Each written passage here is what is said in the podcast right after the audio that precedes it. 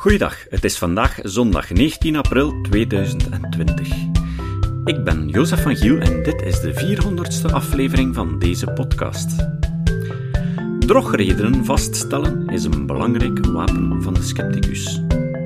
Frank Verhoft paste het eens toe op de anti-gentechnologiebeweging. Vandaag horen jullie een tekst die hij daarover schreef. Redenen die drog zijn. De tekst is te vinden in kritischemassa.be. 20 drogredenen. Stroopop-redenering. Dit is zowat een van de meest voorkomende schijnargumenten en ook wel de eenvoudigste om te detecteren. Bij een stroopopredenering worden de stellingen van de tegenstander zo geherinterpreteerd en fout voorgesteld dat ze gemakkelijk te weerleggen lijken. Dit kan bijvoorbeeld ook door het standpunt van de tegenstander te laten vertolken door een zwak en fictief personage in pakweg een dialoog. Maar deze laatste debattechniek is eerder marginaal. De stroopopredenering, in welke vorm dan ook, is vrij efficiënt omdat ze minder eenvoudig is te weerleggen dan het wel lijkt. Men is snel geneigd om omstandig uit te leggen wat de eigen niet-positie in plaats van wat die positie wel is. Het herhalen van een leugen, zelfs in een exposé om die leugen te ontmaskeren, versterkt ze soms. Het argument Monsanto. Reductio ad Monsantonem.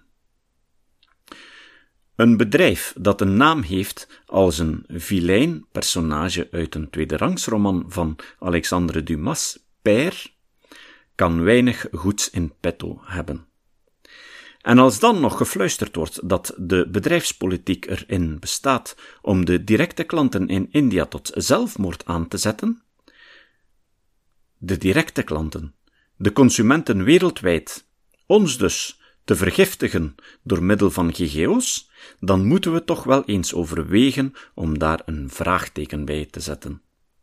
We bedoelen dan een vraagteken, zowel bij de economische inzichten van mensen die dit beweren, als bij de motieven.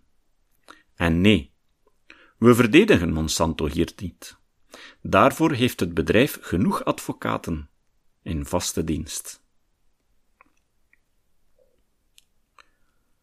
Het volgt er niet uit. Non sequitur. Nu we toch over Monsanto bezig zijn, dat het bedrijf het beruchte Agent Orange produceerde, is een feit. Dat Monsanto een van de belangrijkste commerciële spelers is wat GGO betreft, staat ook als een paal boven water.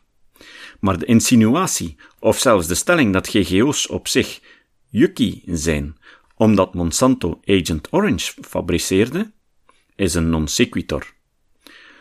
Een drogreden van betroevend laag niveau.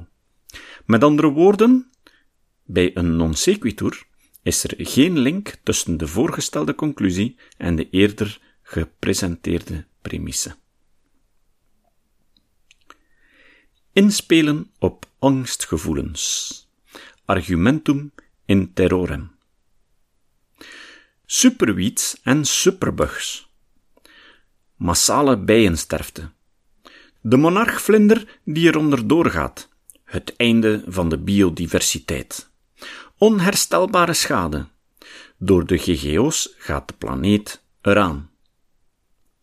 Kankers en allergieën, alsmaar meer en nieuwere. Schade aan de nieren, de bijnieren, de lever, de milt, het hart, het zenuwstelsel en de hersenen, kaalheid, impotentie, infertiliteit en ongewenste zwangerschappen.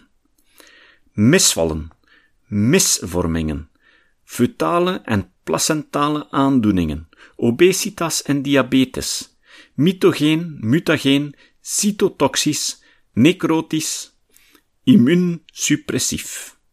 En dit allemaal bij uw kinderen. Tegelijkertijd. Fear mag dan a man's best friend zijn. Het inspelen op angstgevoelens is een drogreden. Zelfs als u enig idee hebt hoe onze planeet eraan toe is, dan nog is het creëren en onderhouden van angstgevoelens door middel van claims die niet ondersteund worden door de vakliteratuur een waardeloze manier van discussiëren. Selecteren van testresultaten. Cherrypicking. Wanneer de hele wetenschappelijke dialoog gereduceerd wordt tot een studie of drie, wanneer de wetenschappelijke consensus wordt genegeerd ten voordele van het soort artikels dat enkel de eigen mening reflecteert, dan spreken we van het selecteren van testresultaten, of meer algemeen van cherrypicking. U weet wel, enkel die kersen nemen die u net niet tot quasi-spijs hebt geknepen en die dus wel voldoen aan uw persoonlijke smaak of de mening. Een klassiek voorbeeld zijn de talloze websites, pagina's, artikels die de studies van professor Gilles E. Seralini en enkel die studies aanhalen en herhalen. Herhaling als argument. Repetitio ad nauseam. In verband met de vorige drogreden of beter met de hoger vermelde studies van Seralini, kunnen we u nog een extra schijnredenering aanbieden. De repetitio ad nauseam. De schier eindeloze reeks reprises van Seralini's studies op tal van websites en e-magazines geven de indruk dat elk artikel telkens gaat over een nieuwe studie, een nieuwe bevinding, een extra druppel in de schijnbaar volle emmer terwijl het gewoon de oude studies zijn die telkens opnieuw gerecycleerd worden. Volle fair, daar niet van. Maar de logische spoeling en wetenschappelijke verantwoorde overtuigingskracht worden dan eerder dun. Vooral ook omdat de studies van Seralini zwaar onder vuur liggen omwille van inhoudelijke en methodologische problemen. We spraken in een vorige aflevering over die studies van Seralini. De link vind je op de notitiepagina. Het samenzweringsargument. Als u, ondanks het cherrypicken, toch nog geïrriteerd raakt door studies die de eigen opinie niet bevestigen, dan is het tijd om de kaart van de samenzwering te trekken. Samenzweringen kunnen zo breed en zo hoog gaan dat waarschijnlijk niet alleen de grote bedrijven, de regeringen, de universiteiten, de media en uw buren erbij betrokken zijn, maar ook de kat van uw buren en haar vlooien. Vindt u een studie waarin iets staat dat u niet zint, dan voert u aan dat de desbetreffende wetenschappers betaald werden door Big Pharma, of Big Ag, of Big Oil, of Big Brothers. En bij gebrek aan inspiratie kan u steeds gewoon een beroep doen op die goede oude Illuminati. Autoriteitsargument. Met dit soort argument refereert men bij een bepaalde claim aan een speciale autoriteit. Een doctoraatstitel komt meestal niet uit de lucht vallen. Een artikel of wat in zogenaamde peer-reviewed magazines is een niet te onderschatten tour de force. Anderzijds dient steeds de claim zelf op zijn merites beoordeeld te worden, in het licht van de algemeen aanvaarde wetenschappelijke literatuur, eerder dan de lintjes, de titels of de kroontjespen van de auteur. Uiteraard zijn er ook wetenschappers die zelf misbruik maken van de autoriteit die hun titel of muur met diploma's uitstralen en de boel bedonderen, zoals Diederik Stapel en Andrew Wakefield. Het argument chemisch versus natuurlijk. Gewassen die op een natuurlijke manier zijn verbouwd, zijn gezond voor mens en milieu. Daarom voert Greenpeace campagnes voor duurzame landbouw. Hebt u de non sequitur gespot? Fijn. Kunnen we verder gaan met de drogreden? Maar het is natuurlijk. Soms lijkt de wereld eenvoudig in elkaar te zitten. Natuurlijk is goed, chemisch is slecht. Dit argument wordt meestal aangedikt door een specifiek woordgebruik, zoals in GGO-aardappelen zijn synthetische aardappelen. En dus slecht. Iets te eenvoudig. Zo blijkt na het innemen van de giftige plant Balladona enerzijds en atropine, een geneesmiddel, chemisch gesynthetiseerd uit diezelfde plant, anderzijds. Disclaimer: probeert dit niet thuis. Populariteitsargument. Argumentum ad populum. Wanneer 70% van de consumenten niet te vinden is voor GGO's, al dus de morgen, de dato 27 april 2012, dan kan er gesproken worden van een significant maatschappelijk fenomeen, niet van een wetenschappelijk relevante openbaring. Het blijft een indrukwekkend aantal, waar zeker rekening mee gehouden moet worden. Maar als wetenschappelijk rationeel argument heeft het evenveel waarde als de 84% van de Amerikanen die geloven dat hun favoriete schepper op een of andere manier een hand had in de creatie van pakweg de menselijke soort. De bron vergiftigen. Deze studies werden uitgevoerd door een team van onafhankelijke onderzoekers. Of nog, deze studies werden uitgevoerd door een team van zogenaamd onafhankelijke onderzoekers. Met één extra woordje, zogenaamd, wordt een volledig ander, negatief beeld geschapen van dezelfde bron. Of die zogenaamd onafhankelijke onderzoekers nu verbonden zijn aan een universiteit of aan een NGO, doet eigenlijk weinig ter zake. Een studie wordt nog steeds geëvalueerd aan de hand van de inhoud, niet aan de hand van het logo links dan wel rechts bovenaan de tekst. Argument van de perfecte oplossing. Hoe men het voorzorgsprincipe ook definieert, of niet definieert, het kan steeds geïnterpreteerd worden als een beginsel dat alles verbiedt en alles toestaat. De reden om alles te verbieden, al dus verenigingen die het zich kunnen permitteren om voor het compromisloze nul-som-spel te gaan, is dan dat wetenschappers niet kunnen aantonen dat techniek X niet de 100% perfecte oplossing is voor probleem Y. Ergo, die techniek X kan geen oplossing zijn, zelfs geen deel ervan. Argument van onwetendheid. Argumentum ad ignorantiam. Wanneer men niet kan aantonen dat een bepaalde techniek of een toepassing daarvan geen schade veroorzaakt, of geen risico inhoudt, dan kan die techniek niet gebruikt worden. Het lijkt een redenering verwant aan de vorige, en deze drogreden wordt dan inderdaad ook vaak aangeboden in dezelfde context van een eenzijdige interpretatie van het voorzorgsprincipe. Onwetendheid aanvoeren als een argument is het zo'n beetje een aardappelloos pak presenteren als een grote met. Het ziet er misschien leuk uit, maar uiteindelijk blijft men op zijn honger zitten. Bewijs bij genade. De spreker toont meedogen met de toehoorder door niet in te gaan op het complexe bewijs met hoge moeilijkheidsgraad. Ik bespaar u de details. Of ik volg niet de reductionistische weg. Ik ben meer holistisch aangelegd. Red herring. Red herring is een term die verwijst naar een afleidingsmanoeuvre, een interjectie bedoeld om de toehoorder enigszins af te leiden of te misleiden. Bijvoorbeeld in Staes boekje GGO's, Droom of Nachtmerrie, pagina 59 tot 60. Zijn de afstanden die men in Vlaanderen voorop stelt wel voldoende gezien zaden en stuifmeel zich over enkele kilometers kunnen verspreiden? Iedereen heeft wel eens zand uit de Sahara in zijn tuin en op zijn wagen gevonden, zegt Koen laconiek. Zand uit de Sahara dus.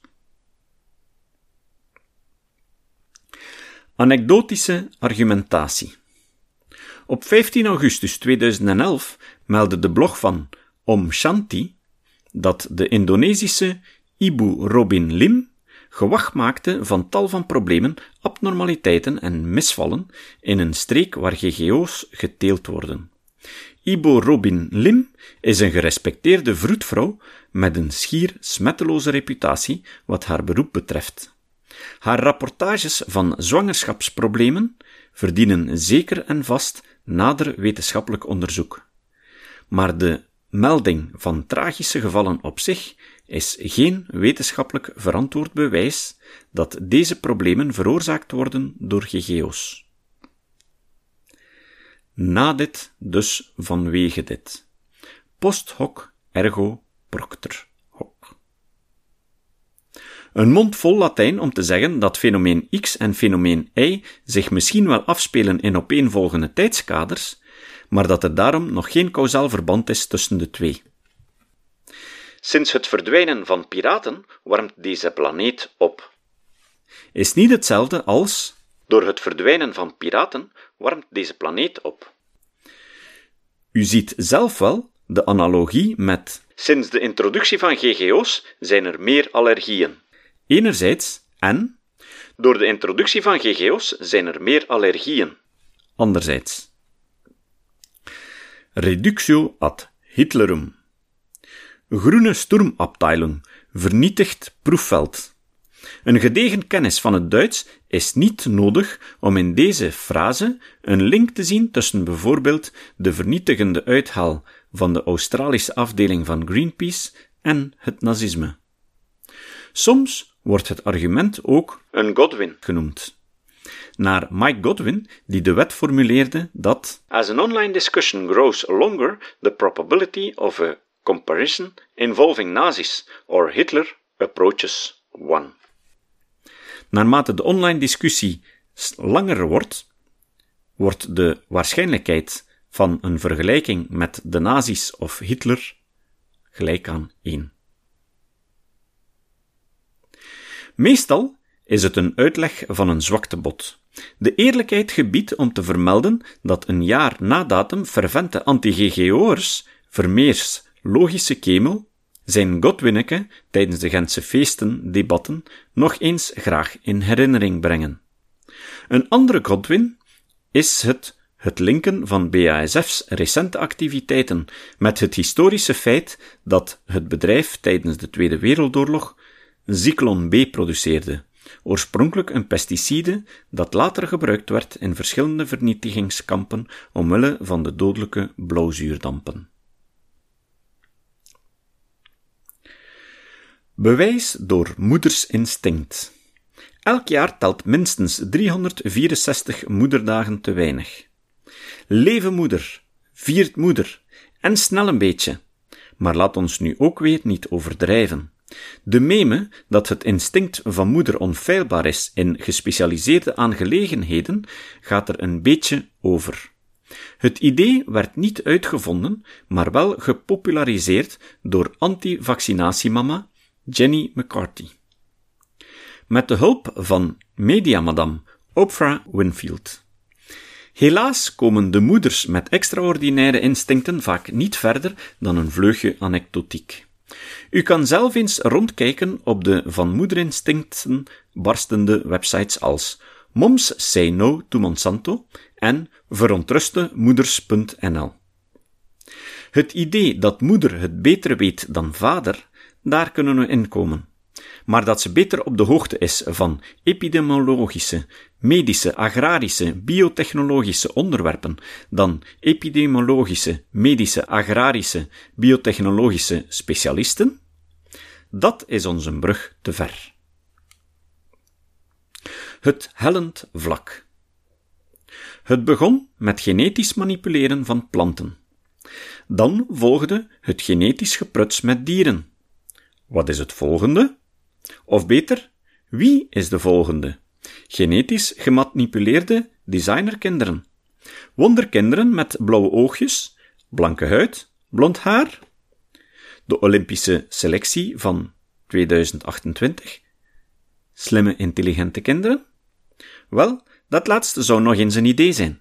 Het hellend vlak veronderstelt dat een bepaalde technologische verandering onvermijdelijk zal resulteren in een doemscenario dat 1984, Brave New World, Fahrenheit 451 of uw dystopische sci-fi roman naar keuze overtreft.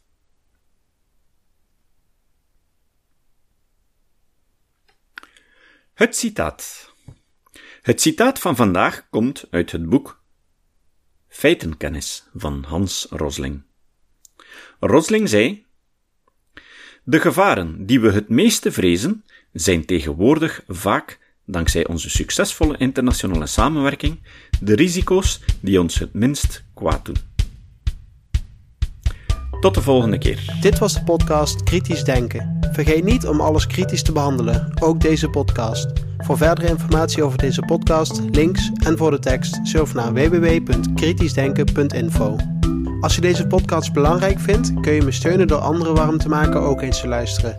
Stuur een e-mail naar vrienden met een link naar de website en plaats de link in de handtekening van je e-mails. Tevens kun je op iTunes deze podcast een beoordeling geven of een recensie schrijven. Of je kan op je eigen website of blog een link naar kritisch denken plaatsen.